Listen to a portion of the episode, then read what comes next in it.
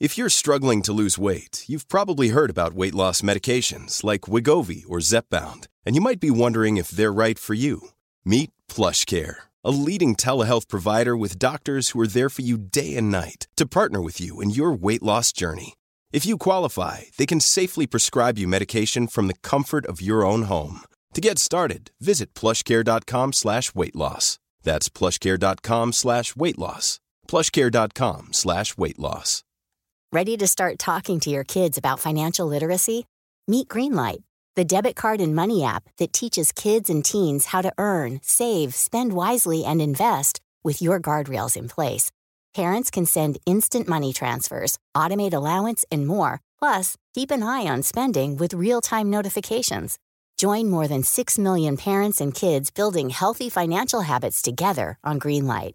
Get your first month free at greenlight.com slash ACAST. That's greenlight.com slash ACAST. Cool fact a crocodile can't stick out its tongue. Also, you can get health insurance for a month or just under a year in some states. United Healthcare short term insurance plans, underwritten by Golden Rule Insurance Company, offer flexible, budget friendly coverage for you. Learn more at uh1.com. Den här veckan är vi lyckligt sponsrade av Läkerol Dents. Det är alltså tuggpastiller som innehåller 50 xylitol. Jajamän. Xylitolet gör ju att emaljen blir hård. Eh, mineralisering kallas den processen. Det är ju fantastiskt att snaska på någonting väldigt gott samtidigt som du gör mer eller mindre underverk för dina tänder. Och Sanna, du vet ju att Läkerol Dents är min nya kompis den här sommaren. Mm. Och det passar mig perfekt för du vet ju också att jag är en pastillmänniska utan dess like. Jo tack, jag har märkt det. Mm. Det har jag i rakt nedstigande led från farmor Inga som jag tror aldrig har setts utan en Läkerolask på Katrineholms gator. Sa det där uppe. Kanske finns hon i himlen. Kanske finns, har hon med sig sina pastiller i himlen. Troligtvis.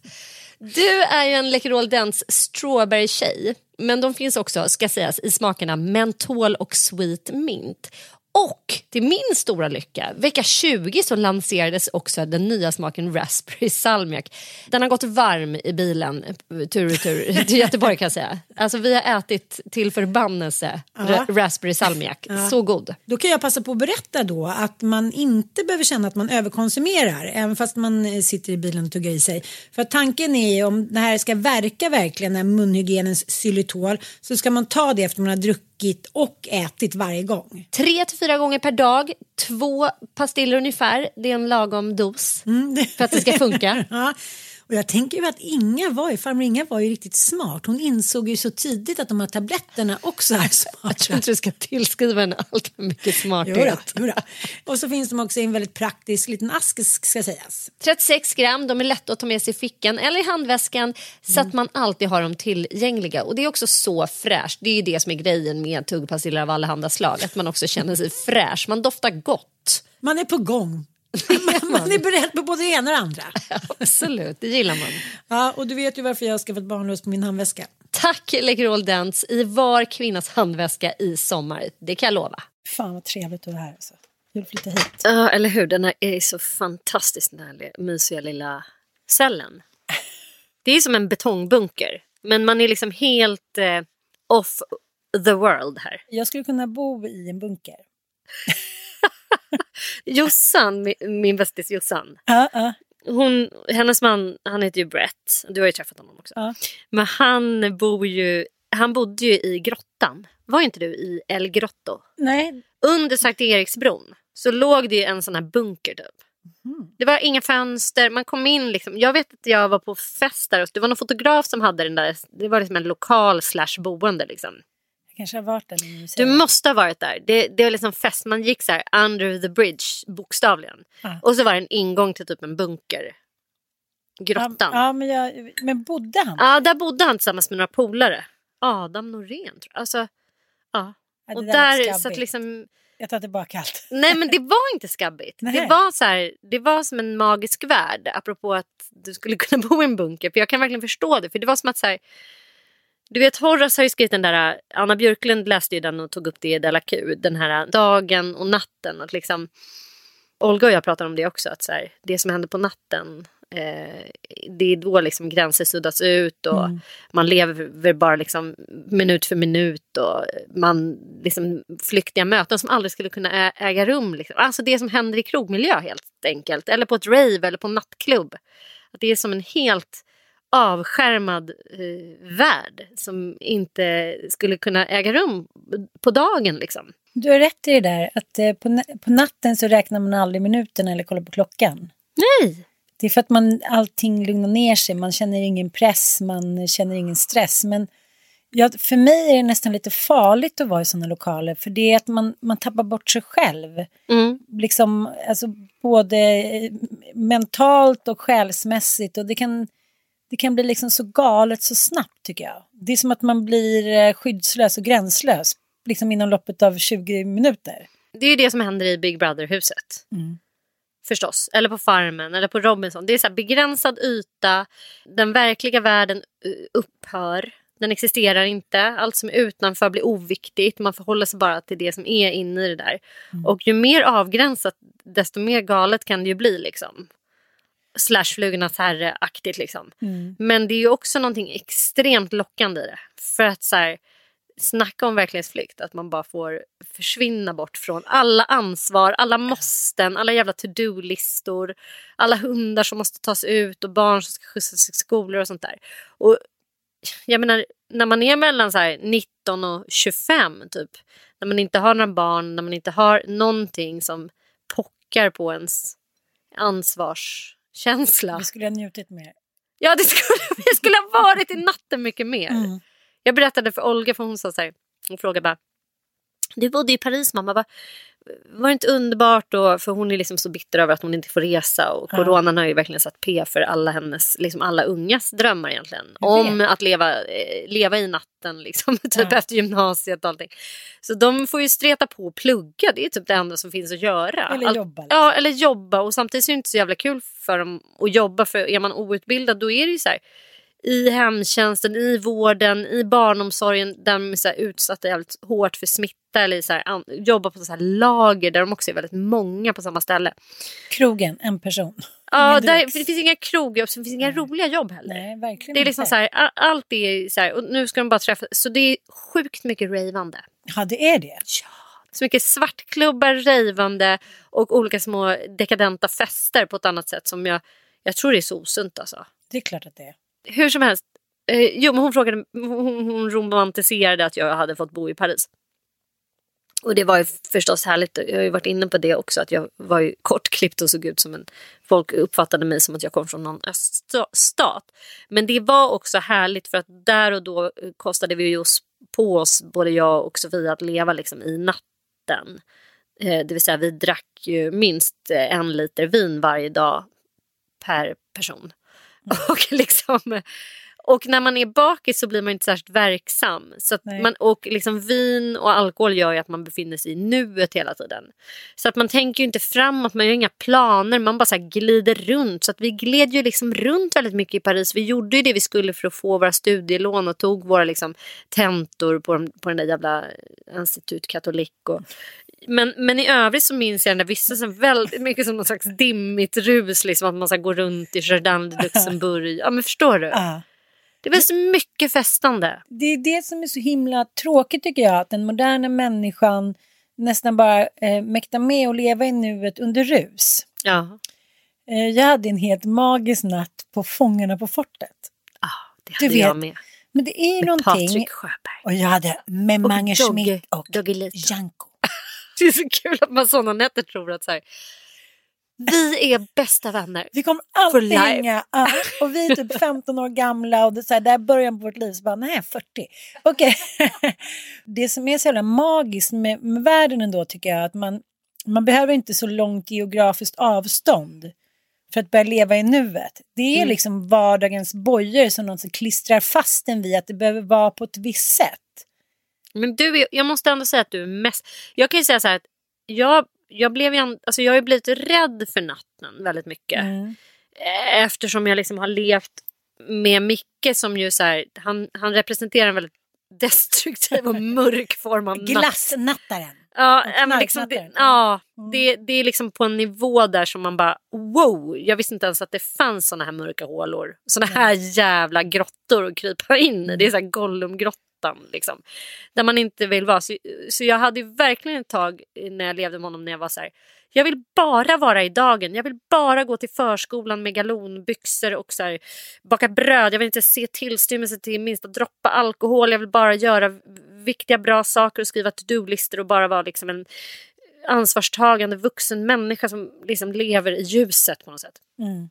Då hade jag någon slags där, bara förakt för eh, hela den, den delen av mänskligheten på något sätt. Den dekadenta viljan till att fly, viljan till att så här. Men nu har jag väl balanserat det där tänker jag. Och jag, jag tänker att det inte alltid behöver vara destruktivt heller. Utan att vi alla behöver den där verklighetsflykten. Och alla vi, man brukar, istället för att kalla det natten då som Horace Engdahl har valt så är det väl liksom också så här verklighetsflykt är väl ett bra uttryck för det hela. Eller liksom att slippa vara vuxen, att slippa alla de här jävla kraven som, som ställs på oss vuxna människor. Eh, att få ta lite semester från det och bara så här. Och sen tycker jag också att det är nästan samma läge man hamnar i när man är kreativ. Ja, det håller jag faktiskt med. Alltså vi har ju som en liten mininatt varje gång vi poddar. Mm, mm. Och vi har ju som en liten mini, mininatt när man bara så stänger in sig och går in i ett projekt. Liksom. Jag eh, älskar det. Eh, För det är det enda som kan ersätta den där gränslösa halvgalenskapen som natten och det geografiska avståndet erbjuder. Och, Jag, jag, måste, jag kommer ihåg vad? en gång när jag, där jag aldrig har sett dig så galen. Eller två tillfällen av, tre tillfällen av det här galenskap. kanske måste klippas i. det tror jag inte. Du var inte med natten i Nej men du har ju en väldigt ljus form av nattillvaro. Ja, det måste ju- man säga. det måste det, är liksom, det är bara galenskap och glädje i det. Och eh, dels så hade ju vi en Jag är hel... bra på natten. Du är riktigt bra på natten. Och det är liksom ingenting som förgör dina Inget som dagar. förgiftar, nej. nej det är Nej. inte. Det är inga toxiska nätter på det. Nej. Men bland annat så var, var vi ju i Ramis. Och, och där var det ju liksom kvinnonatt. Ja. Och det var ju bara för jävla underbart. Det var så här, man, man bara kände att det finns ingenting utanför den här, det här fjällhotellet, den här gruppen av eh, härliga kvinnor, eh, det här skidåkeriet. Det var ju som att man så här, nej men det, det var som att plocka ut sig själv ur verkligheten och sätta sig på typ månen. Ja. Fjällen tycker jag har en benägenhet att göra det. Jag har ju varit på, på många tjejresor med, eh, ja, utan barn. Du har ju inte varit med på lika många. Dels tror jag för att det var så rörigt med Micke, men dels för att du inte trodde att du var så jävla superintresserad av att åka skidor förrän vi åkte till Ramis. Ja, När jag- precis. När vi sov när du var borta. Ja. Du drack inte på fjället. men, men det finns, eh, fjällen är liksom någonting, eh, jag tycker nästan inte att det finns någon bättre miljö. För jag vill inte vara en sunkbulle all over. Jag vill ändå att det ska vara någon så här, Fångarna på fortet, Ja, sportevenemang. ja. ja, För mig blir det mörkt om det bara blir det ena. Det Mm. måste på något sätt lyftas upp av Man det måste andra. ta en god frukost dagen efter och gå och ta en promenad. Och man måste liksom få lite, lite dag också. Gillade aldrig charter som ung. Nej, Gillade nej. tågluffen, men charten tyckte jag var destruktiv, instängande, köns... Liksom, Fixerad. Ja, verkligen Mm. så här. "Ah, Ska man lägga med typ reseledaren och dricka liksom tequila ur plastmuggar. Det blev liksom ingen skön dekadens. Nej. Och man vill ju åt ändå det där typ Montmartre-dekadensen. Ja. Om man inte är på skidort. Ja, men då vill, man ju ha, då vill man ha dekadens som ändå inkluderar skidåkning. Ja, Som precis. sagt, man, kan inte, man, man är ju aldrig av det slaget att man skiter i att sätta på sig pjäxorna på morgonen. Nej, nej, för Utan man vet det- man åker upp och man fräschar till sig. Liksom. Ja. Mm. Man tar några åk i alla fall. man kan inte bara skita. Man tar ett till två. Ja. Men det finns en sida i mig som du också har sett som liksom ganska snabbt går över till att så här, nu är jag också den ungdomen jag känner att jag tror att jag är. Ja, ja, det var ju det som hände i Ramis när du också så här, din fabulösa eh, dragningskraft på karar av yngre modell. Nej men oj, faktiskt helt bisarrt. Vi är på en afterski och det är så här herregud, någon kille som på riktigt blir kär i dig alltså. Han var ju het. Nej, det var han inte. Var han inte Alltså, det? Han var väl lite söt men det var ändå Han så var här, väldigt Att ung. han på riktigt så man såg så här kärleksglitter i ögonen på honom. Det var ändå så jävla roligt. Ja men det var den resan, det var Ramis. Det, det var först, och sen var vi ju på Gotland eh, under Almedalsveckan. Ah, och där var det ju natt alltså. Mm. Men på också ett helt ljuvligt sätt för vi jobbade ju samtidigt. Vi var och lyssnade på massa föredrag, på massa tal och liksom träffade massa människor. Vi hade bara så fruktansvärt roligt. Och det är också så här symboliskt att man är innanför murarna i Visby. Det, är liksom, det, är en, det, det blir också en helt overklig stämning. Alla barn, alla liksom krav, allt bara försvinner. Och så här, det man gör där och då är det viktigaste i livet. Och sen när vi var i La Coruña. Ja.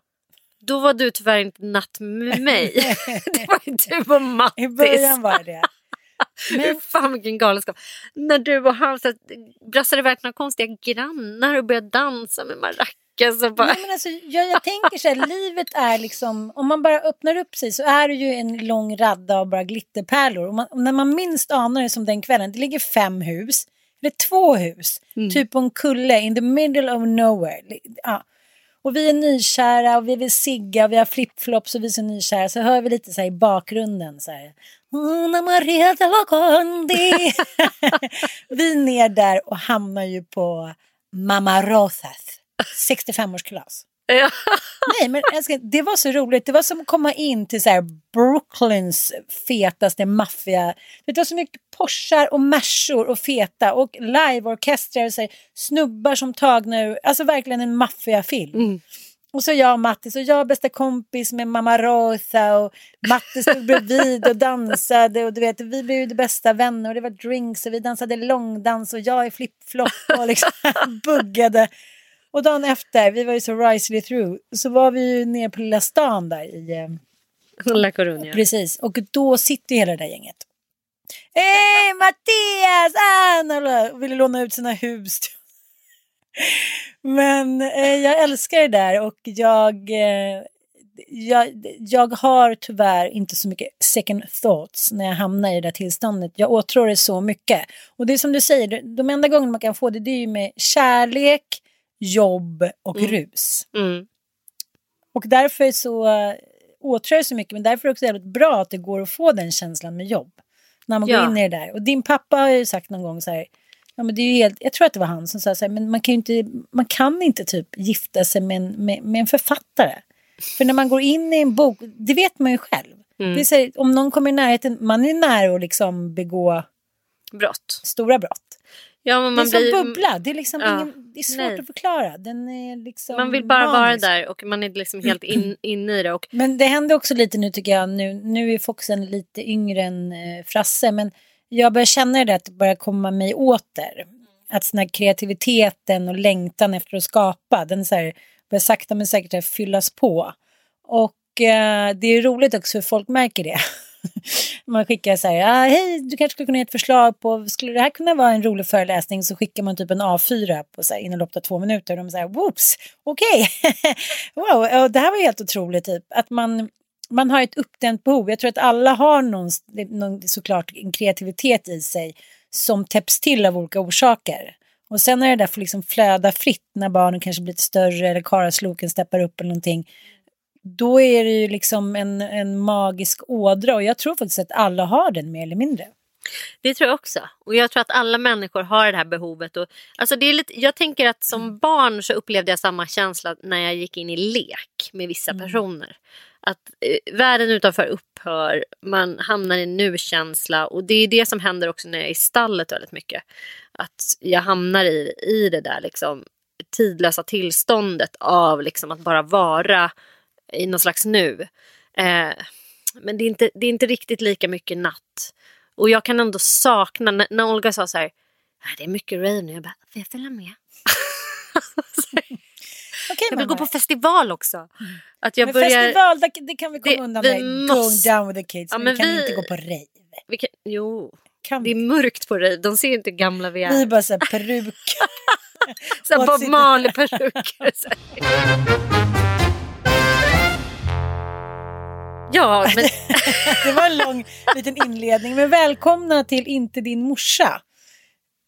vi är så glada nu. Vi eh, var ju eh, otacksamma och eh, lämnade vår lilla grotta för att eh, vara ot, o, otrogna hyndor på Södermalm. Men, men där lyckades de inte ens spara det vi hade sagt. Så nu är vi tillbaka i vår, i vår grotta här och det är väldigt mysigt. Och nu kommer vi inte lämna den. Nej, nu, blir nu, nu kör vi här. Det är för vår egen psykiska hälsas skull. Och eh, för att vi också ska få tillfälle att träffa varandra i det här sjuka jävla coronaläget. Mm. Jag har tänkt på två grejer sen sist. Och jag tänkte jag ska börja med att eh, för det här vet jag att du kommer älska att prata om. Eh, jag lyssnar på eh, Café Q. Ja. Det är Anna Björklund, mm. hon som hade Della Q, en podd som vi har pratat om en del i den här podden. Jag avgudade ju den, jag tyckte den var så jävla uppfriskande med så unga människor som har... Är de vackra mammor det? Café Q är ju Anna Björklunds intervjupodd där hon bjuder in ofta människor som hon tycker är spännande och intressanta på olika sätt. Och bland annat hade hon ett episkt samtal med Åsa Linderborg. Hon är också väldigt bjuckig. Hon började det samtalet med Åsa Linderborg med att verkligen göra upp om när Åsa Linderborg gav hennes man sparken. Du vet, eh, Anna Björklund är gift med Kristoffer, vad heter han? Men han med glasögonen. Ja, vad heter han? Han kallas ju för Kringlan. Kring, ja. eh, Kringlan Svensson. Ja, men mm. Anna Björklund är gift med Kringlan Svensson och Kringlan Svensson eh, fick en dålig recension i då sin egen tidning. Eller han gav ut en podd i Aftonbladet Kultur. Just det, just det. Mm. Och han, hans eh, bok, då, roman tror jag det var, blev recenserad av en utomstående som Åsa Linderborg tog in. Hon bemödade sig verkligen om att följa liksom olika typer av så här, etiska regler och riktlinjer och sådär.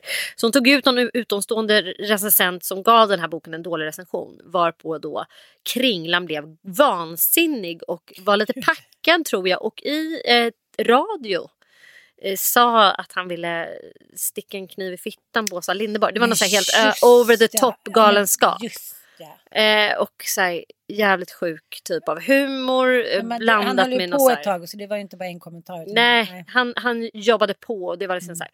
Och, och det här gjorde ju då att han fick sparken från alla sina uppdrag. Alltså alla verkligen så här, bara så här svartlistade honom. Så han hade ju på riktigt inga jobb. Han var ju liksom en, en av Sveriges så här, liksom up and coming, så här, mest intelligenta komiker där ett tag. Alla tyckte han var så jävla rolig och så jävla smart. Och... Men han är inte 22 alltså. Nej, men han hade ju hållit på ett tag och han är liksom han hade någon slags väldigt upphöjd position i alla fall. Men han blev av med allt. Eh, och Just. precis då hade ju han träffat Anna Björklund så hon fick ju liksom erfara det här och fick ju också erfara hur människor då så här, såg snett på henne. Hur kunde hon leva ihop med en sån här idiot? Och, så här. och sen, nu var han ju tillbaka in i värmen igen. Mm. Och Anna Björklund tyckte att det här var jävligt löjligt gjort av Åsa Linderborg helt enkelt. Eh, så hon konfronterar henne i sin podd och bara så här, varför gjorde du så här? Du vet ju att Kringlan, alltså att han skämtade, att det här inte var på allvar. Du vet ju att han har den här typen av väldigt så här, och så frågar hon också helt krasst så här, blev du rädd när han sa så där? Blev du verkligen det? Och då erkänner Åsa Linderborg så här, nej det blev jag inte. Men jag tycker ändå att det är inte okej att säga sådär mot sin arbetsgivare och jag ville statuera exempel. Så att det, det är skitintressant. Hon är verkligen så här bjuck rockig och hon är eh, modig. Hon låter så jobbiga stämningar finnas med i den där podden. Och så. Men nu i alla fall så ligger ett avsnitt ute där hon intervjuar. Ja, kan vi, kan vi bara stanna där? Jag måste ändå säga så här, nu blev det så lättvindigt så här. Han var lite tokig, han sa att han ville sticka en kniv i fittan. Så här. Jag tycker att det där var helt rätt, vet du det? Jag är bara så här, trött på snubbar som säger lite grejer om är packade så jag ska döda den här horan. Mm. Det, är samma, ja, men det blir ja. samma liksom, jag ska säga när man pratar om, om misshandelsoffer och liknande, eller, då är det sådana här uttryck, din jävla la-la-hora, fitta hit och dit. Liksom bort med det språkbruket. Och, och liksom också, jag menar inte att det är bättre att säga det till, till sin fru eller någonting, men, men, men säger man så om sin arbetsgivare, då får man för fan skylla sig själv om man ryker. Ja, Tycker men, du inte det? Jo, men samtidigt så jag kan också förstå det ur han för att han har ju en väldigt så brutal typ av humor där han tänjer på gränser och han liksom han håller på att göra satir på ett sätt som kanske är så väldigt gränsöverskridande. Liksom. Jo, det, är det kanske inte alla grej. som lyssnar på det förstår. Nej, absolut inte. Men däremot så tyckte väl Anna då att så här, Åsa Lindeborg visste det. Förstår du? Åsa, mottagaren visste att det här inte var riktat mot hennes person som ett riktigt hot utan att det var liksom så här, Men var det eh, inte det? Nej, det var ju att han ville driva med sig själv som att han var en sån jävla kolerisk person. Typ lättkränkt alla Jaha, Ulf Lundell. Förstår du? Så här, jag ska fan typ så här. Alltså, han fick ju frågan om så här, vad tyckte du om recensionen du fick och sen så då gör han liksom en, den här galna karikatyren av sig själv där han då hävdar Jaha, att han... okej, förstår du? Det var okej, liksom lite okej. det sammanhanget. Jag försvarar inte heller, jag tycker också att det är helt sinnessjukt. Man kan inte förvänta sig att lyssnarna ska ha hängt med i deras så här interna Det det humor som de har. Men samtidigt så kan man ju tycka då att det är kanske är lite bisarrt att alla jävla människor i hela så här media-Sverige helt plötsligt ska svartlista honom. Alltså det är också så här lite korkat tycker jag i den här ankdammen att alla bara så här, oj nu har han sagt något dumt, då måste vi svartlista. Man Det bara, gäller ju verkligen inte alla. Nej, och som Anna Björklund sa också till Åsa Linderberg. Om ni på riktigt hade trott att han var kvinnohatare, varför var det ingen som ringde till mig 23 år gammal och frågade hur jag mådde? Jag som ändå precis var nygift med honom. Jag borde ju per definition typ leva under väldigt stor våldsutsatt eh, situation då. Varför var det ingen människa i våra då kretsar som hörde av sig och bara... För helt, alltså hon fick ju också känna på hur så här drevet går. Att alla, inklusive hennes bästa vänner, alla var så här, ö, rörande överens om att så här, det han har gjort är helt oförlåtligt. Men nu är han inne i värmen igen. Så tydligen var det inte det. Och tydligen så var det viktigare liksom, med att han levererar saker som obviously går att sälja. Liksom. Ja, men I det senaste avsnittet som jag lyssnade på på vägen hit så har eh, Anna Björklund bjudit in Anna-Karin Windham. Känner du igen det namnet? Ja, det gör jag. Hon var ju med i så här Nannyakuten eller något sånt Jaha. där program. Du vet någon så här uppfostrings-tv som var väldigt poppis för. Just det, just det, just det. Mm. Men Anna Björklunds ingång i det här samtalet är, alltså hon är också professor tror jag i, eller om hon är doktor i pedagogik. Så hon är inte bara någon nattig liksom nattcase-kvinna som vill typ så straffa barn i uppfostringssyfte och ställa dem i naughty corner och så. Det var ju liksom en bild som trean eller femman eller gärna Såklart, ville trean liksom ta, skapa en karaktär av henne. Men hon är ju hon är ju liksom, det är en beläst kvinna eh, till punkt och pricka. Hon är sjukt intresserad av liksom all typ av så här pedagogik och barnuppfostran. Och Anna, Annas ingång i podden är ju då att hon hon har aldrig varit sugen på barn därför att eh, den generation, alltså det vill säga vi, vår generation, eh, vi har liksom skrämt upp yngre tjejer med att det här med att ha barn är så fruktansvärt jobbigt. Allt ifrån så här hormoner och hemorrojder, allt man pratar om är så här, hur lite man får sova, hur mycket de spyr, eh, hur jävla eh, liksom galet det är att ha en tvååring. Man kan aldrig göra någonting härligt mer i resten av sitt liv. Ska man resa med dem så är det så här mayhem. Alltså vår generation har beskrivit det här med barnprojektet som att det är liksom så här, ja, det är så sjukt jobbigt. Också på det här lite roliga sättet. Alltså mamma-generationen. Vi tillhör ju den Det är generationen en ny också. mammafeminism som Mm. inte är någon feminism. Nej, där man ska ha rätt att klaga. Typ Ja. lex Cissi Wallin. Mm. Som är så här, jag hatar barn. Typ. Det är så jävla jobbigt och de har inte sovit. Så här. Mm. Och sen när hon själv då fick barn, hon, så hon var inte sugen på att skaffa barn överhuvudtaget. Men hon får ju då barn väldigt ung tillsammans med Kringlan. Eh, och blir då eh, så jävla chockad över hur soft det är att ha barn. Mm. Hur lätt det är. Eh, och eh, då tänkte hon det kanske är liksom mitt i första barn då, som är exceptionellt skötsamt. Liksom. Men så får hon det andra barnet som kanske är då lite så här mer bökar eller vad man ska säga. Men det är ändå soft. Och hon säger liksom så här. Jag har aldrig sovit så mycket som när jag har småbarn. Och jag har liksom, vi har åkt runt på tågluffat och vi käkar på fina restauranger. Och, och vi har liksom middagar och bjudningar hemma. Och kan ha liksom jättehärligt. Trots de här barnen då som skulle ha varit så jävla jobbiga. liksom. Men, men, ja. Eh, och eh, hon är ju då ganska så här konservativ, Anna Björklund. Hon är ju verkligen så här blå och konservativ och på Östermalm. Och, så här. och sen vill hon ändå, vill, så vill hon ändå tillhöra så här kulturell elit. Liksom. Hon skriver ju i så här, Eh, kultursidorna och gärna så här ledare och sånt där som hon skriver. Men hon menar på då Alltså hela podden går ut på liksom att, så här, det här, att man inte får uppfostra sina barn. Att det är därför vår generation, vi har liksom omfamnat den fria fostran väldigt mycket och att så här, barn är vara jämlika, man ska respektera deras vilja, man ska liksom eh, och att det är därför då barn blir så jävla jobbiga för att vi inte har någon så auktoritet och att vi helt har, verkar ha glömt bort att så här, vi som föräldrar faktiskt både måste tala om för barn hur livet går till och hur man relaterar till andra människor på ett trevligt sätt. Liksom. Eh, och, och, när man inte gör det, det vill säga orkar inte uppfostra dem Eh, då blir de ju asjobbiga att ha Precis att göra med. Hundar. Precis som hundar. Liksom. Ja, men det är verkligen... Bara, någon annan får ta det här. Jag lämnar ja. bort dem till förskolan så åtta timmar så får de eh, ta det här jobbiga. Liksom. också så mm. När förskolan inte gör sin plikt. Ja, typ så här.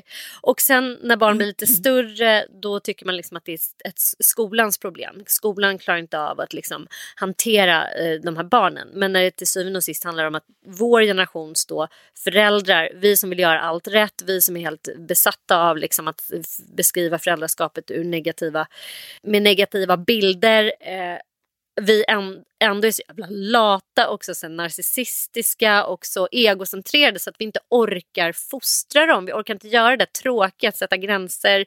Att säga nej nu sitter du kvar här i fem minuter och så får man liksom ta att någon får ett utbrott tre gånger. Liksom. Och jag kände mig när jag lyssnade på den här podden både så här, tycker jag var så uppfriskande att någon vågar ta i ordet liksom, uppfostran. Vi föräldrar. Och sen kände jag mig så här, ja jag håller med. Alltså gud vad vår generation verkligen har så här värjt sig för att fostra våra barn och lindat in det i någon slags jävla idé om att säga, men vi vill ha, liksom respektera våra barn. Nej, det handlar mer om att vi liksom bara inte orkar liksom och att så här, nej men gud jag tycker förskola är jätteviktigt. Ja det tycker du för att du vill lämna bort din unge så här, åtta timmar så att du själv får gå och spela paddel eller typ mm. ta en massage eller vad du nu vill göra. Liksom, var ledig med dem. Är bara en plåga tycker vi. Så, här. så jag kände mig liksom både träffad och jag tyckte de var rätt på analysen. Och de häcklade också så här, genusmedvetna föräldrar väldigt mycket också. Mm -hmm. Att mhm. så här, ja, barn ska få välja själva vilken könstillhörighet de vill ha. Men liksom bara genom att säga det så har man ju präglat barnet till det. Och barn är ju sånt som svampar. Så mm. liksom... Eh, om man, om man, så, alltså barn gör ju som föräldrarna gör. Det har ju gjort så mycket studier som helst på det. Det spelar ingen roll att man har så här genusförskolor och allt möjligt. Utan det är som föräldrarna som, som verkligen präglar eh, barnen från de tidigaste åren. Liksom. Så att bara att göra ett sånt statement eller att säga att man har fri, fri fostran. Det skapar ju också eh, det, alltså, redan då har man ju ändå fostrat sitt barn på något sätt. Ja, liksom. det är klart. Men jag, jag tänker på min egen barndom. Jag tror inte att jag hade någon liksom skiss med min mamma förrän jag var 14 år. Liksom, jag ifrågasatte inte hennes auktoritet. Nej. Då menar jag inte på något så här, du ska vara med klockan åtta, du ska alla rätt på proven hit och dit. Det, det var liksom, man, man ifrågasatte inte sina föräldrar, eller man behandlade dem i alla fall med respekt. Eh, och vice versa, och inte sina lärare. Nej. Och det, liksom, det var inget så här, jag tror att det är jobbigt för barn idag, för det finns alltid ett jävla kryphål. Och jag känner att det är väldigt stor skillnad. Nu lever jag i en annan relation som inte liksom är lika kaotisk och jag kanske inte heller är lika kaotisk. Men, men jag ser ju väldigt tydligt på den första kullen och den nya kullen. Mm. Sen har jag ju... men sen har ju du levt med hippiefarbror också. Ja, det har jag. Ja, som verkligen var så här, det är fritt, de ska få tänka själva. Precis, men de fick inte ha pistoler. Nej, precis, mm. ingen våld. Nej, men annars var det liksom, och nu är han ju inte alls så längre. Nej. Nu är han eh, eh, sträng och på grund av slöhet. Kan jag tänka så det kan go both ways. This podcast is brought to you by eHarmony, the dating app to find someone you can be yourself with. Why doesn't eHarmony allow copy and paste in first messages? Because you are unique, and your conversations should reflect that. eHarmony wants you to find someone who will get you. How are you going to know who gets you? If people send you the same generic conversation starters, they message everyone else. Conversations that actually help you get to know each other. Imagine that. Get who gets you on eHarmony. Sign up today. Ryan Reynolds here from Mint Mobile. With the price of just about everything going up during inflation, we thought we'd bring our prices down. So to help us, we brought in a reverse auctioneer, which is apparently a thing. Mint Mobile unlimited premium wireless. Ready to get 30, 30, bit to get 30, bit to get 20, 20, 20, bit to get 20, 20, bit to get 15, 15, 15, 15 just 15 bucks a month.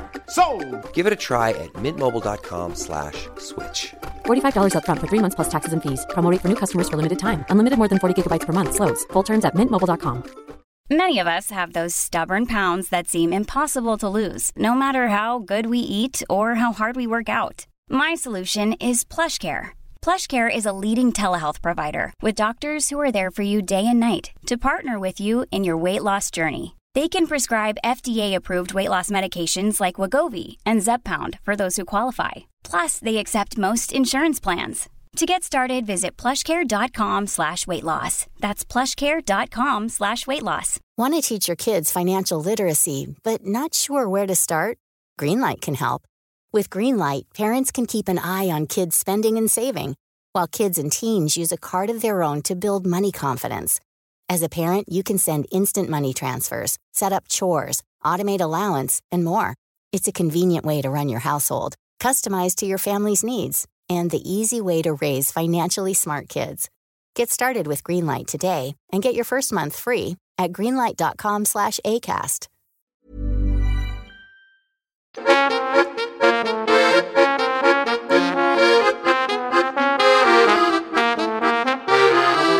Det- Vi måste ändå prata lite så här, lite vardag. Ja. Jag tänker det. För jag, jag lyssnade faktiskt på Nor alltså podd med Henrik Schyffert. Mm. Och de pratar ju bara vardag. De är ju liksom småbarnsföräldrar. Men då pratar man ju bara vardag. Ja, men det är väl vi med? Mm. Vi låtsas som att vi inte är det när vi kommer in i grottan. Jag tror att det är det. Ja, det är första gången för Nor och det är tredje gången för eh, eh, Henrik. Ja, för Henrik. Så det, ja, men jag tycker liksom de är ändå ett skönt par. Men det är roligt hur de framställer sig småbarnsår som att de är så här 18 år gamla. Eh, Schyffert är ändå 52 eller 53. Mm. Men då tänkte jag på en grej som de pratade om som jag, eh, jag var, kände att jag var tvungen att dryfta den med dig. Han hade fått en sån där eh, i brevlådan att man om två eller tre år, jag kommer inte ihåg vad det var, så kan du ställa dig i kö för eh, äldreboende. Seniorbo. ja.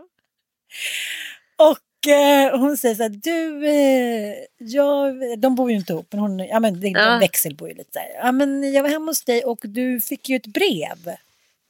eh, om seniorboende och det var ju som att liksom någonting fröst i sig mig. Och då märker jag att han blir liksom lite stekt på riktigt. Han bara, ja men gud, ja, absolut, men den, eh, vadå, den har jag gömt undan och sådär.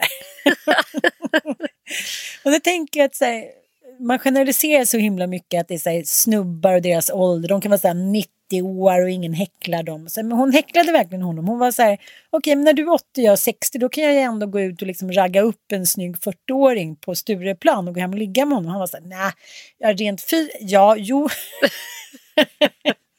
Men då, blev- då tänkte jag på sådär, i det stora hela så här, små hemligheter som är så himla löjliga som man har med sin partner för att man fortfarande vill att den ska tycka att, man, är, fräsch. attraktiv. Ja. Ja, ja. Och jag håller också på sådär i vardagen med små grejer. Att så här, så kan kamma till hår precis när han ska komma in i badrummet. Så här, så här ser jag alltid ut. Eller, ja men du vet. Ja. Men tänker du någonting på det här med, med åldern? För nu är jag ju, nu är jag ju fyra år äldre än Mattis. Men det kanske inte är jättemycket. Men, men hon var så här, wow, det är så jävla sorgligt att du, du kommer liksom dö före mig om inte jag blir sjuk eller någonting. Och, och hon sa, det känns liksom, när jag såg ditt, när jag såg det här kuvertet, då, då blev jag liksom, det var tungt. Men sen började de ju, sen blev det jävligt roligt att så här, då kunde de kanske både ha Sammy där och Schyffert, då kunde de ha varandras grejer, typ så här gåstol, han kunde byta blöja på honom för att sen den. Men, men, men det där blir ju såklart ett problem liksom. Eh, nu och för sig, Men jag menar, sam, jag, jag, jag har verkligen funderat över det där. Ja. Eh, därför att jag har förstått så här, dels att jag har jobbat på äldreboende mycket och verkligen kan se en fullt frisk Du människa. kan sköta honom. Jag kan sköta honom. Det brukar jag säga också. Så här, älskling, jag kan allt. Både byta blöjor och liksom tvätta. Stomipåse. Och stomipåse, ja, men allt. Men framförallt så har jag också en sån jävla respekt för att livet kan tas ifrån en eh, inom loppet av en fucking jävla sekund. Man kan vara fullt frisk och sen nästa dag jättesjuk. Liksom. Jag hade en granne nu som fick en stroke. Hon är bara 48. Och liksom hon har ju på fullt allvar varit så här, ja men jag måste se, alltså, eh, hon, hon har hästar och, en liten ridskola som hon driver. Jag måste tänka över vad jag ska göra med mina hästar om jag skulle dö. Hon bara, ja. Och också så, här, så många månaders rehab och liksom aldrig bli fullt eh, funktionell igen. Hon jobbar ju med djur och med hästar. Hela hennes verksamhet går ut på att hon måste vara så här, fräsch i kroppen. Vad ska man göra sen?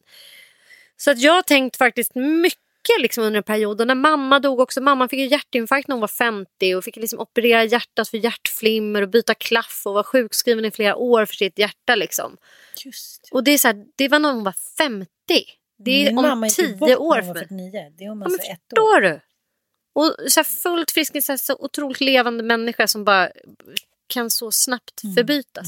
Så det har jag tänkt på. Det har jag aldrig funderat över förrän nu. att så här, Shit, jag måste ta mitt hus. Vad skulle hända om jag blev så här sjukskriven? Alltså, det skulle inte funka. B- Varken så här rent praktiskt eller... Så lite sådana där tankar har jag faktiskt haft. Eh, inte alls av samma humoristiska karaktär. Nej, nej. Så det blir inget roligt där du ska Jo men Micke och jag brukar, jag är så här, han skrev tydligen något testamente när han var asförbannad på mig sist. Jaha, Vi, vi är inte gifta, vi är inte sambos heller på pappret. Vi äger ju vårt hus tillsammans men jag är skriven på en lägenhet i stan ju. Eh, där jag bor när jag sänder Karlavagnen Precis. och eh, gör jobb. Och, och det, det gör ju att liksom, vi har, jag ju inga så här heller garantier på, alltså min, om han dör så skulle ju då bröstarvingarna få ärva, det vill säga hans tre barn. Ja, han skrev bort dig ur arvet. Ja, men då, nej, han, jag, har ju liksom inte in, jag har ju säkert varit inskriven då, men då strök han ur testamentet när han var sist var skitförbannad på mig. jag, bara, jag hoppas att du, nu när han åkte till Wales igen så sa jag bara älskling du har väl sett över testamentet och tagit bort det där äh, lilla tippexan. Ja det hade han gjort. Så jag hoppas att man får någonting så att man klarar sig. Ja, det hoppas jag med. Nej, men jag menar det. Men, men tänker du så här, gud, känner du...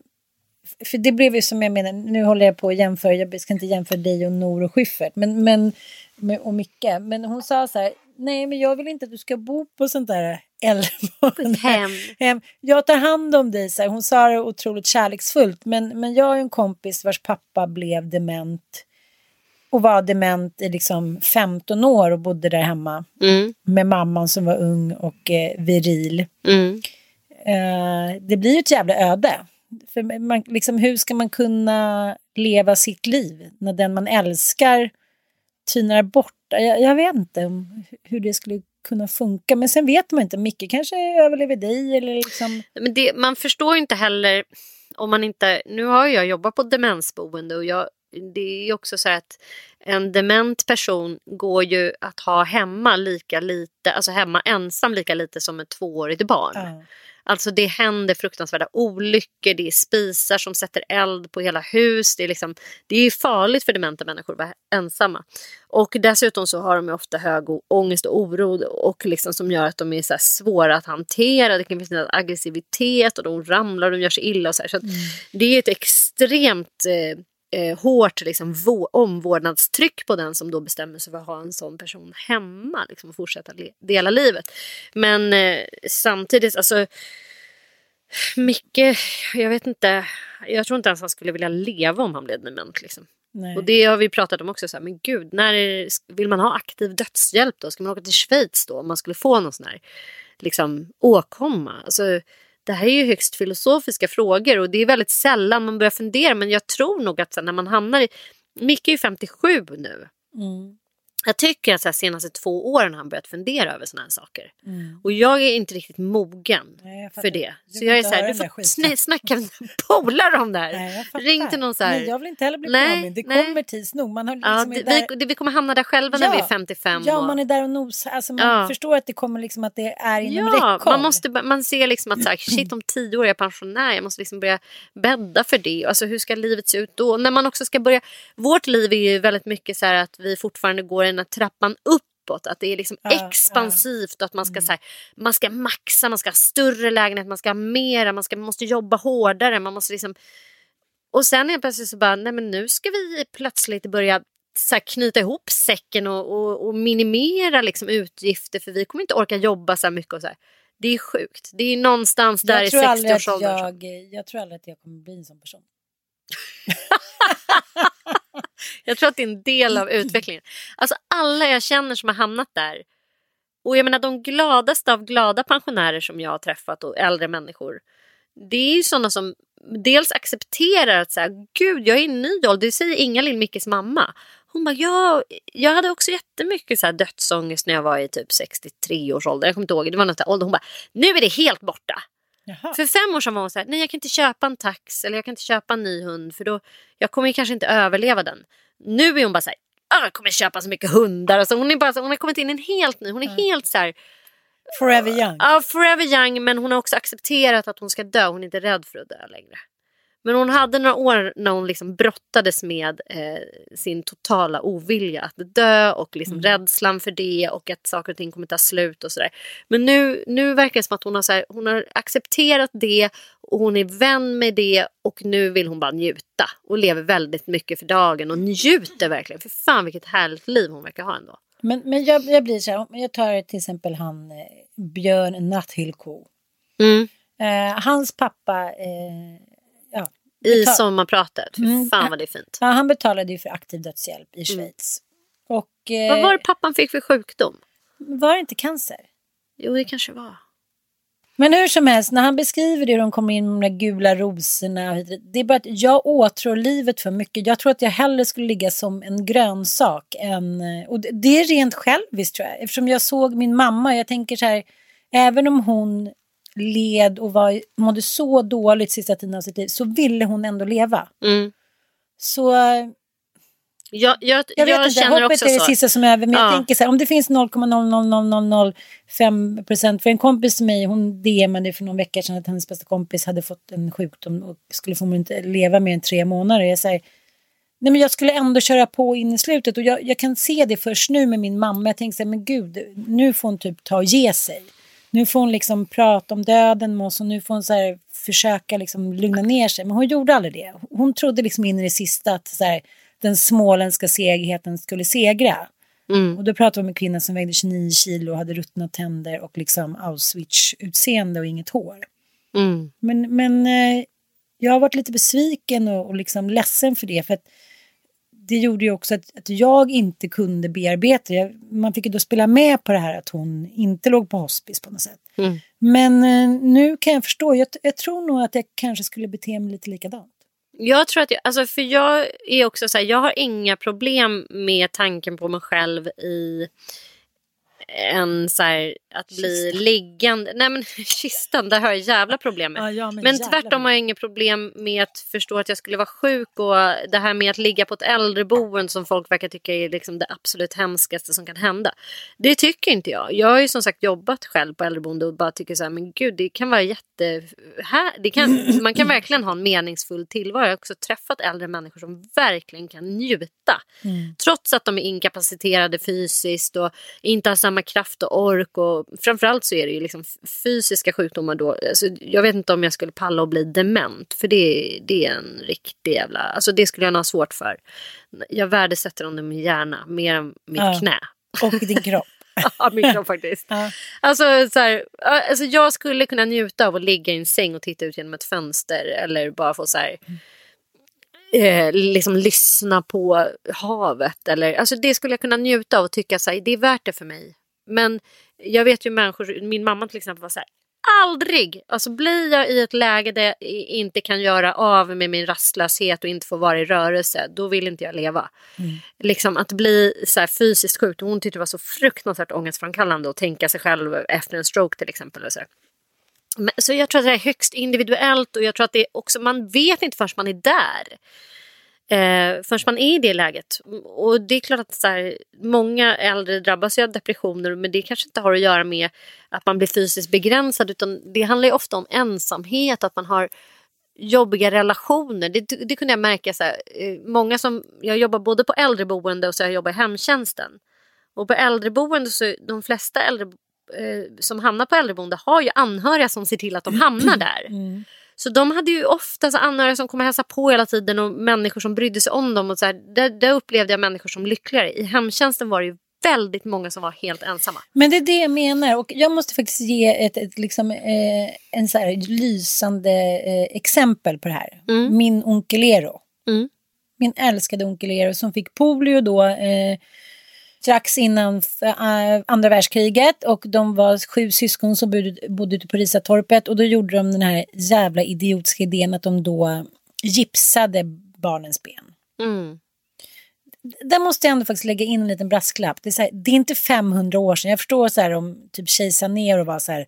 det då, det behöver... Men det här är liksom... Det är typ... 60 år, ja 80 år sedan. Ja, precis. Ja. Att så här, men vad tror ni själva? Så här, titta på blommor, titta på naturen hur den funkar. Om man fryser inne den så dör den ju. Mm. Nej, men det var ju det systemet de använde. Så att alla de här barnen och även det var äldre och liksom medelålders fick ju då förtvinade ben. Mm. Så att han växte upp då eh, ja, men med icke-fungerande ben och hade då eh, kryckor som hans pappa hade gjort, såna träkryckor. Och han klättrade i träd och han och då var det också någonting som jag älskar att det har förändrats. Då var det liksom redan dumt för honom att träffa någon. Ah. Man gifte sig inte eller blev kär i en kryppling. Nej. Han var liksom dömd till ett liv i ensamhet. Mm. Och så ärvde han gården och tog hand om, han var skomakare och sådär. Och att jag har varit med om det att han bodde där ute på Risatorpet alldeles ensam i sitt liksom fädernes hus några mil utanför Eksjö. Mormor cyklade dit tre mil, liksom, tre, fyra gånger i veckan och hjälpte honom. Då satt han då i det här röda huset och eh, lagade skor. Mm. Och vi höll på att tjata, så men ska du inte flytta ner till liksom, det där äldreboendet vid lilla eh, har du, varit, ja, du har ju varit med mig Eksjö. Ja. ja. men det, fin, det är ju så fint där, så gamla trähus, arbetarhus mm. som de har renoverat och så här. Nej, nej, han var så envis och till slut så gick han med på det och du vet, han levde upp Mm. Det var utflykter, det var bridge, det var som att snickesnackisar och titta på tv och hit och dit. Han var så lycklig. Mm. Men då var det bara några år kvar liksom. Mm. Då känner jag så här, nej, varför ska man sitta ensam? Jag ser det också när man är ute så i Bromma och på Lidingö. Tantalorer som är så 90 år som träff, liksom kanske aldrig träffar någon för att de ska bo kvar i sitt hus. Mm. Är bara så här, det, där vill man inte släppa den statusmarkören typ. Nej, och man kanske tror att det är så här att man aldrig skulle kunna bo någon annanstans. Mm. Men så här, den ensamma människan, och det blir också väldigt tydligt nu att så här, människan mår inte bra av att vara själv. Och jag, men jag tänker ändå, min kära far, mm. han måste jag, liksom, han har ju ett konstigt psyke alltså. Jo, men som, jag menar, han kan knappast gå. Mm. Han har liksom ont under fötterna. Han sitter där hemma, men han har sitt intellektuell. Mm. Han har sitt intellekt. Han och sin sport och sitt jobb. Så han jobbar ju på och läser. Liksom, och jag tänker så här, men gud, varför blir han inte mer deprimerad? Mm. Han sitter där bara som en stor heffaklump. Nej, det är alltid någon liten bandymatch som ska kollas, något som ska kommenteras, någon polare som man kan ringa eller liksom någon korvaslug man kan äta. Han har verkligen så benat ner. Mm. Vad han behöver för ja. att liksom bli, vara lycklig. Ja, han har liksom skalat mm. ner. Mm. Men, Men det, länge, ja. det, är väl helt fantastiskt, tänker jag. Att så här, mm det har han kommit fram till och det är som du säger, för om man har ett levande intellekt och kan liksom använda det och fortsätta använda det. Jag vet eh, min bästa kompis pappa han, han var ju liksom läkare och också så här, jävligt brilliant mind. Men för honom blev det jobbigt när han blev blind, när han inte kunde se. Och då fixade de ju så talböcker till honom. Och, och då var han ju också så, nej men då fick, det var talboks, talboksservice och han läste tidning med talböcker och så här. Då fick han tillbaka lite av livsgnistan. Ja, verkligen. Men det var ändå sjukt jobbigt. Alltså, när, man, när man har levt med syn, alltså som seende hela ens liv, så är det väldigt svårt att ställa om när man blir äldre. Man, man blir ju helt plötsligt... Ja, man kan inte liksom orientera sig eller gå ut själv och sluta köra bil. Allt det där liksom. Så att han, det vart ju också så lite spiken i kistan. att så här, När man inte kan fortsätta med sina dagliga rutiner mm. överhuvudtaget liksom, så är det ju jävligt eh, tungt. Liksom. Mm. Men han var ju väldigt gammal då. Men pappa har ju daglig rutin att typ inte göra så mycket. jag har en jättebra rutin. Jag bara ja, ligger här. Precis. Eh, nej, jag vet inte. Ja, vi får väl se hur det blir. Fan, hur hamnar vi här? Jävla Nor och Henrik. Jävla Nor och Henrik. Hörni, vi har ju en julklapp till er. 100 kronor i rabatt på smålandsgran.se med koden Ann och Sanna. Smålandsgran. Det här är ju för smart. Ja, det finns så mycket bra där. Dels är den ekologisk och dels så kommer de leverera den. Du kan välja mellan kungsgran eller klassisk gran. Det finns allt du behöver, utsmyckning, kulor. De har till och med adventsljusstakar. Ja, ja. Och jultröjor, ni vet de här, så här fula jultröjorna som var så populära. Anna Benson som är vår kompis, hon har ju tagit fram lite snygga jultröjor. Precis, mycket snygga, man säger, mm. lite eleganta. Mm.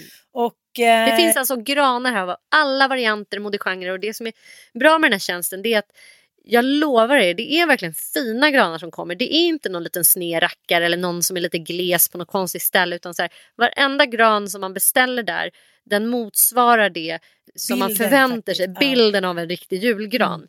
Du kan välja på höjd, bredd, eh, som sagt om det ska vara en sån här klassisk rödgran eller en kungsgran. Och eh, de levererar den till din dörr coronasäkert och smidigt och det bästa av allt. De hämtar den sen också. Jag kommer inte behöva liksom smyga ner för trappan i vårt, eh, i vår lägenhet för att eh, det kommer inte vara 60 000 bar utan här kommer professionella typ granhämtare mm. och trycker ner den i en ja. liten säck och sen bara Precis. langar iväg den. Det här är ju en extra tjänst som kostar en liten slant men det är väl värt spenderade kronor. Som sagt 100 kronor i rabatt med koden Ann och Sanna inne på smålandsgran.se och de levererar över i stort sett hela Sverige. Ho, ho, ho. Jag tycker det var så roligt. Fredrik Strage skrev ju DN om att nu under coronan så har ju lösvaginernas försäljning ökat med tusentals procent. är det här någonting han tror eller är det han nej, vet? Nej, nej. Han har sett det här? Det ja, och han har gjort liksom lite så här men, eh, ja, men bland annat så var det någon i Uppsala som hade så här, ja, vanliga, nu säljer vi tio gånger mer lösvaginer hit och dit och även sex liksom, leksakshandeln har ökat hit och dit. Och så tänker jag lite så här, eh, vad tror du? Jag tänker, det är nu som när man är hemma så mycket som man skulle göra alla de där grejerna. Jag kommer att tänka på så, liksom att man var så himla mycket galnare förut när det gäller sexgrejen. Att man säger, gud vad tokigt, vi, här står vi mot dörr, liksom, där, nu är ni i tvättstugan. Nu ska, alltså, att man tyckte att allt sånt var så spännande.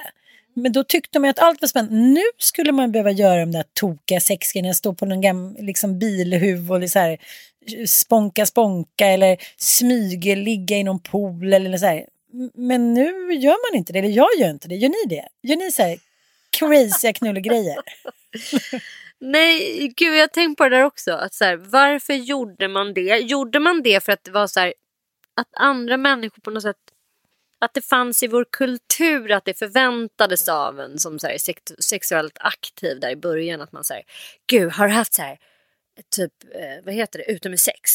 Ja. Let's go outside, du vet den här med George Michael och ja, han så här, ja, ja. bara vill bli avsugen i en park. Eh, att det ska vara så här, åh gud vad naughty. Typ. Eller så här, olika små så här, har ett par handklovar, har ett raffset. Det var liksom olika så här planterat av, av liksom kulturen att så här, det här ska man testa. typ. Jo men i Eller? samma avsnitt så säger Nord och, och, och liksom, nu måste jag referera till avsnittet att de haft sex på ett gym. Då blir jag så här, han är ju oh ändå så här glada 50 plus så det känns inte att, han, liksom, att de kan skylla då på så här oj vi är så unga och tror. Men det är väl, hon är ju det.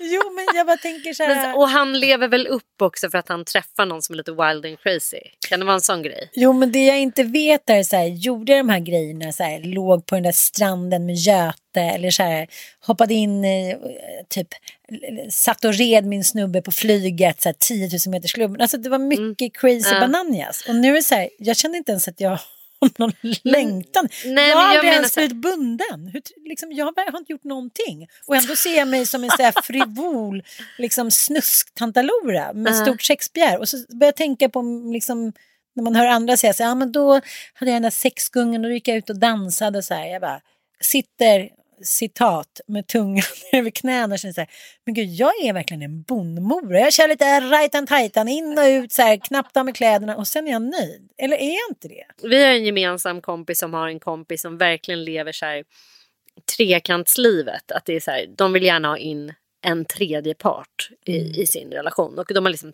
träffat varandra lite grann med det kravet på varandra. Det här är två personer över 40. De har kommit fram till eh, under sitt liv, sina respektive då tidigare liv att så här, vi gillar trekanter. Och, eh, de är då inne på, det finns ju tydligen då olika så här, mötessajter där man kan så här, träffa då bara tillfälliga sexpartners. Liksom. Men jag blir så jävla förvånad för de har ju då, hon, hon har ju två barn sedan tidigare och han har också två barn sedan tidigare tror jag. Eller om han har till och med tre. De har inget gemensamt barn. Men liksom hur fan, vad mycket tid det måste ta att arrangera såna här grejer och få till de här mötena. Och så ska man vara säker på att det här är någon människa som både ett är frisk, två inte galen, tre verkligen är med på det här det ska chattas och det ska grejas. Alltså jag tycker det verkar vara så jävla tidskrävande att ha olika typer av fetischer. Mm, det verkar så också så regisserat. Först ska någon ja. komma för och filma något litet och så ska den andra komma. Men så här, Gud, orkar jag är glad om jag bara säger... Ja, och vad gör man om man är så här, och så råkar man träffas och bara nej, men, nej, jag, nej, fan det motsvarar inte riktigt min idé om så här, vad fan, nej, jag, måste jag backa. som är feromondrottningen, så här, jag måste känna en viss ja, stoff, då vill jag ligga. Inte så här att jag ser någon och känner så här, Mm, och så kanske man tycker inte är något nej, bra. Nej, liksom. alltså, det är mycket som kan bli fel. nej, jag, jag tror att jag är alldeles både för så här, kräsen och för bekväm för att orka hålla på. Eller så, jag menar, allt det där är väl fetisch och jag tänker så här, jag kanske nog aldrig varit riktigt så jävla inne på att jag vill ha det på vissa sätt för att det ska pirra till lite nej. extra liksom. Och jag, jag vet jag inte. Jag blir så förvånad när en av mina kompisar hör så här, min kille kan inte gå igång om inte han får så här, sakta, sakta trä på mig så här, svindyra silkes-stay-ups. Så underkläder. Jag var så här, stay-ups, jag vet inte ens om jag ägt det, men ändå så har jag gjort så här i natten, som vi pratade om innan, galna grejer och liksom fyrkanter och trekanter och med tjejer. Så det är inte det att jag inte är med. Det är bara att jag orkar inte och jag vill inte regissera. Det måste liksom ske när andan faller på. Jag kan inte säga Kommer du ihåg hon guldlesbisken som bara stötte stötte på mig och jag typ teasade och tog bilder på mig själv naken och från duschen och bara raderade och skickade. Och sen så när vi väl skulle träffas så ballade ur, fegade ur. För jag var inte sugen. Nej, men det är väl också det där att så här, det där, jag kan inte eh, hålla på med det där planerandet under dagen. Alltså, det är som du säger, det måste hända i någon så galet eh, tillstånd av natten. Man bara så här, wow, gud, där händer det och där bara träffar jag den där snubben och då mm. händer det där. Att det måste liksom, för mig är det så nära sammankopplat med att eh, kanske då eventuellt reptilhjärnan eller någon typ av så här creative mind i mig bara går igång. Men eh, jag kanske också får bara sluta mig till att så här, nu när jag är 42 år komma fram till att jag kanske inte är så jävla utlevande sexuell på så galna sätt. Det är också någonting, tror jag, jag har analyserat det och tänkt det, att när man fostras till kvinna och flicka i vårt samhälle så är det ju också så här, framförallt var det det när jag växte upp i alla fall på 90-talet och var tonåring, att det var en så här, tid av sexuell frigörelse där alla mm. tjejer skulle bara ta för sig, man ska vara så här kåt och man ska bara knulla, man ska bara liksom ha många sexpartners, man ska bara testa hit och dit och jag tror inte att det är så för alla. Alltså, jag tror bara att alla så här, förväntades göra det. Man skulle ha massa one night stand, man skulle skriva olika listor på hur många ja, man hade knullat med. Listan, jag är alltid... har den försvunnit? Men listan är tydligen jag hör inte Olga och de prata om så här listor. De verkar inte vara lika ekivoka som vår generation var. Min bästis då, eh, vi satt och skrev en lista så såg vi jäkligt många vi hade pippat med. Då. Vi gjorde också en knullkarta. Mm, Du vet när man så kopplar ihop, väldigt roligt faktiskt. Man tar liksom sina sexpartners liksom som en mindmap så här, och så, så ringer man in och så kollar man vilka de har haft sex med. Till slut kom jag fram till att jag hade haft sex med Madonna. Alltså, i, förstår du? I, Ja, här, ja, jag fattar. man, jag kunde liksom härröra Men mig gjorde, själv. Kommer du inte ihåg att de, all, de gjorde det med jämna mellanrum i Nöje- Nöjesguiden? Gjorde de? Ja. Så gud, det var alltid så här, och jag kommer ihåg. Den eh, har legat med den som har legat med den som legat Precis, med den. vad hette hon där? Fåglarna. Na, na, Idde Schultz. Idde Schultz, vi måste lyssna lite på den låten. Jag var så besatt av den här låten. Hon hade legat med, Nopp- med Joppe med Moppe. Så till slut så var det så att alla hade verkligen legat med varandra. Ja. Det, Över hela jordklotet. ja, men Så är jag, det ju. ja. Har man bara haft tio Man- sexpartners så är det ju så tror jag. Det På riktigt. Det är så det, vem är Abraham? Alla är släkt med Gustav Vasa. Åh, oh, skägget! Det är så- det är så roligt om man skulle så här, Gustav Vasa skulle komma in på ett ställe idag så här, nu ska vi ligga i sina små tofsbrallor. Man är verkligen barn av sin tid. Men eh, ibland kan jag tänka så här, men hur, hur, hur kunde man ta så lätt på det där med liggeriet? Och man, man, när man hör kompisar säga jag har inte legat med någon på flera år, jag bara va? Nej, men jag kunde, inte- det kunde gå så här en dag. det var liksom, det skulle alltid liggas. Men så hittade jag en sån här rolig bild av eh, en kille som heter Stefan som är fotograf. Han la ut så här, gud vad man saknar det här. Då var det någon klubb, nu kommer jag ihåg vad den hette. Och då var det en fest när man så här, come naked and go home with clothes. Det var liksom temat på festen. Oklart liksom hur det gick till. Så alla kom ju då Var det. Stefan Holm eller? Ja, det var Stefan Ja. Holm. Ja. Och liksom hur ekivoka de festerna under några år på 90-talet var. När det liksom Ja. inte fanns några gränser på det här klubbandet. Det var ju liksom G-klubben och sen var det ju, vad fan hette de här andra klubbarna? Det var liksom, sen var det ju ett ställe Ja, man Vegas hette en. Mm. Vegas hette en. Och sen var det ju ett ställe där det verkligen var så här, alla kom utklädda. Alla hade ju så här BDSM-kläder. Alltså helt galet. Man bara så här, och det var absolut inte en sån porrklubb utan alla kom utklädda bara. Eh, Fan, var det inte det Vegas? Kanske var olika teman. Det kan nog ha varit att det var temakvällar. Men det var ju, och sen hade de ju ofta så stora hangarfester ute i de här jävla, Hammarby. ja ute där i spå. Älta allt. Ja, Men, men eh, ja, det var liksom så himla naturligt då. Och det, och det var ju lite så som i 70-talet, man, eh, det var festivaler och alla låg med alla. Men, men eh, jag tänker så här att om man skulle börja leva det där livet nu och så här bli fri och gå på festival och ligga runt och så här. Och så klipp till för sju och ett halvt år sedan när jag var ny singel. det var- Man glömmer liksom bort att människan ändå lockas av liksom det lite farliga och det ekivoka. Så, så här, jag tror bara att man sitter lite här nu i liksom lite inlåst och ja, men vi har nog glömt bort den. ja, Det var så länge sedan jag, jag levde i någon så här dekadent. Ja, jag hade ju liksom ett, ett år mellan Ville och Micke. Det kan man inte säga att man... att, man Ja. att man inte låg på rygg. Nej, kan man inte. Där stod man. Nej men det, det, det är också en olika typer av män. Man Mm. har ju haft vissa män som ska vara såna jävla erövrare. Som så här, okej, ja ja okej, du är mannen, jag är liksom tjejen. Och det var ganska intressant för jag pratade med en tjej och hon var så här, hon sa det, min sexualitet nu när jag börjar närma mig 50, nu vill jag liksom ändra på den. Mm. Jag har alltid liksom levt med min man och han ska vara då en mannen som sätter på och jag ska vara så här, mm, liksom flickan, oskuldsskiten liksom. Hon sa, jag kan inte spela det spelet längre. Mm. Så nu ska vi då, de har varit gifta typ så här 15 år, nu ska vi då ändra på det här, att jag ska vara så här den starka medelålders kvinnan. Dominizer. Ja, och hon bara, vi får ju verkligen öva. Hon säger, "Det- min man tycker ju det är skithärligt, men, men jag har ju liksom stora problem. Så att man kanske bara får börja rollspela lite. Men jag tänker så här, så länge man är nöjd med det man har. Det är Ja. jobbigt om man... Det, fy fan, det har vi pratat om förut Mm. i podden. Fy fan vad jobbigt att leva med, med en partner som börjar känna så här, jag är inte nöjd längre. Mm. Och det, det är klart att, det kommer, att man inte alltid kommer vara synkad i vad man vill. Alltså det kan ju handla om att säga, jag vill inte bo så här längre. Jag vill bo Mm. på ett annat ställe. Eller jag vill fan bo utomlands något, eh, någon gång under mitt liv. Ja. Eller jag känner inte för att... Det, det kan finnas massor med olika spår som livet kan ta. Eh, såklart också sexuellt. Bara, jag tycker det här är tråkigt nu. Mm, mm. Alltså, vissa är väl så mer eller, min mer eller mindre. Liksom.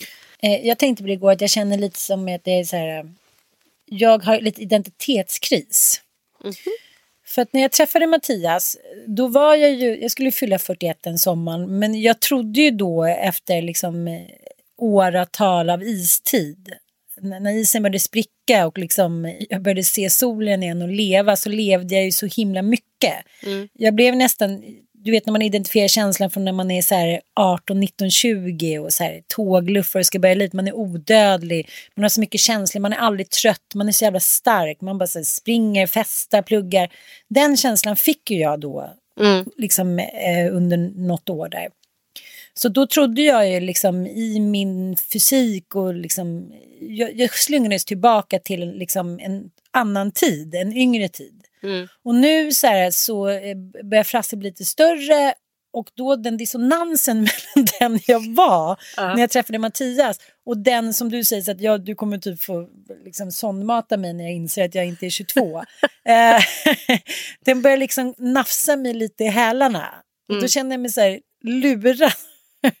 Oklart av vem, men att den är lite svår att tampas med. Varför tog du inte vara på den där äh, ungdomligheten som du hade där under ett Ja, år? Varför kastade du dig själv rätt in i käftarna på så här barnafödande? Ja. Och det här som är jävligt, alltså fan vad det tar på kroppen. Det känner jag faktiskt också. Nu Mm. är Fox två.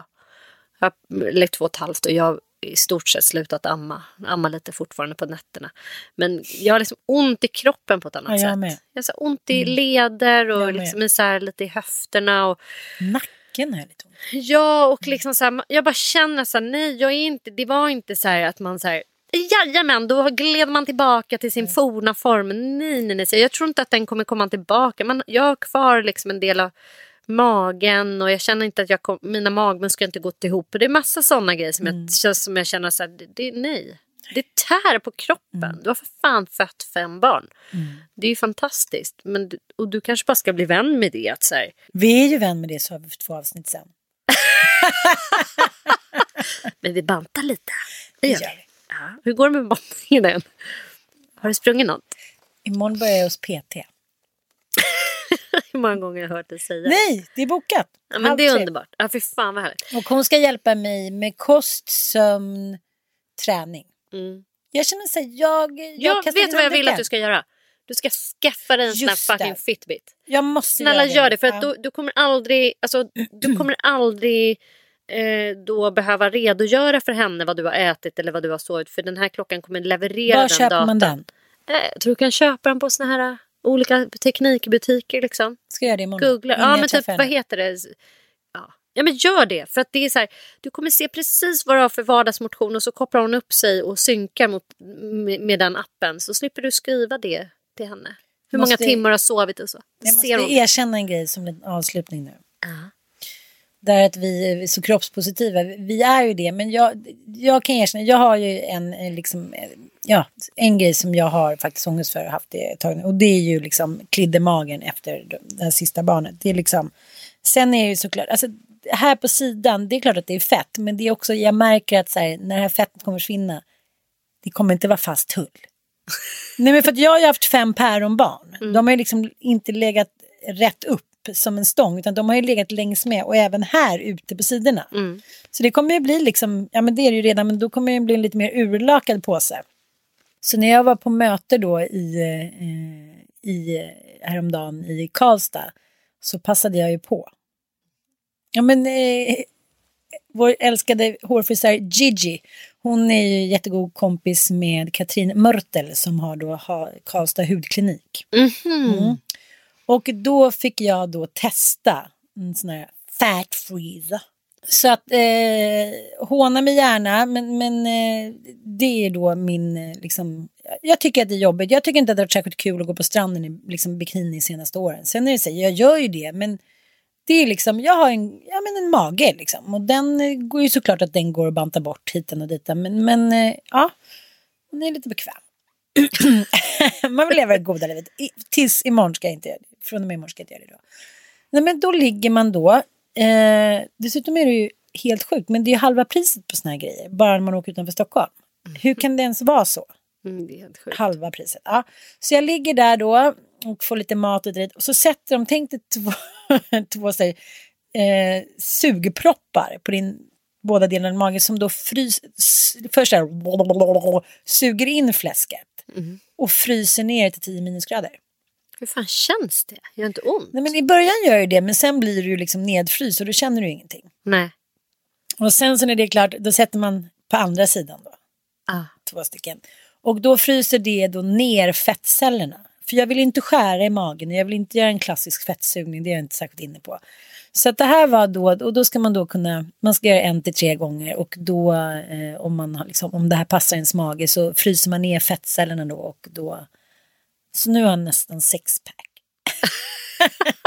Men alltså hur går man omedelbart ner i vikt? Försvinner de där fettcellerna? Dör de? Absorberas de av kroppen? Eller vad Ja, alltså, det, enligt, enligt då reklamen som ändå, de, här har ju funnits i massa år så jag, jag tror kanske ändå att de funkar. Så är det så att man fryser ner dem och sen kissar man ut det som slaggprodukter. Fy fan vad sjukt. Mm. Så vi får vi se, jag måste väl testa en gång till. Det var ju inte lika skönt när the hell freezes over när det där skulle tinas upp. My god alltså. Men spännande va? Oh, ja, skitspännande. Mm. Vi får se. Fortsättning följer. Ska du göra det tre gånger nu? Tänkte det. Ja. Ja. Jag är ingen sträng mot... Jag, jag tänker så här att människan i alla tider har velat påfågla sig och velat göra sig så vackra som möjligt äro. Eh, Män som kvinnor.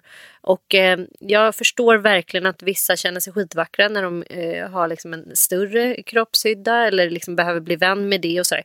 Men jag kan också förstå att man vill liksom, nej men jag är, hör hemma i den här kroppen, det här är min vikt. Som jag känner mig hemma i. Och så, nu, där vill jag vara. Alltså jag, jag lägger verkligen ingen värdering i det. Som vi pratade om förra gången. Liksom att, att banta behöver inte bara innebära att man hatar sin kropp och att man... Nej. Ja, man, man får liksom nyansera det hela lite. Tack för att ni lyssnar och eh, döm inte för hårt för min dubbelmoral. Puss och kram.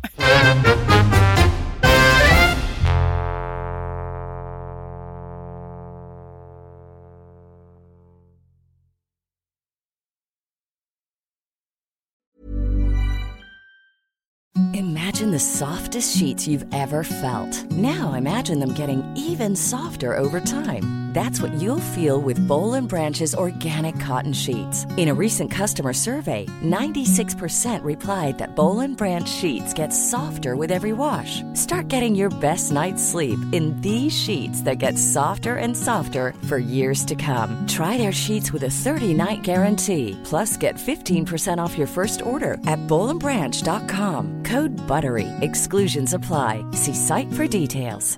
Hi, this is Kristen.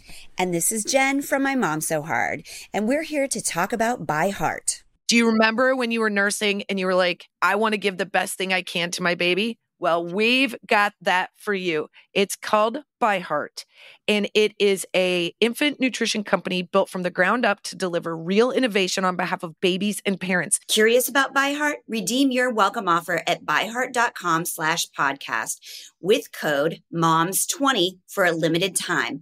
Additional terms and conditions apply. Tell them My Mom So Hard sent you. Hello, this is Danny Pellegrino, host of the Everything Iconic podcast, and I'm here to tell you all about Splash Refresher because hydration is mandatory, but boring is not. Now, I love my water, but if I don't spice it up, I'm not going to finish what I took out of the fridge. That's why I love my Splash Refresher, which is flavorful, delicious, bright, hydrating, and zero calories. The wild berry flavor is my fave. No, wait, is the pineapple mango flavor my fave? You know what?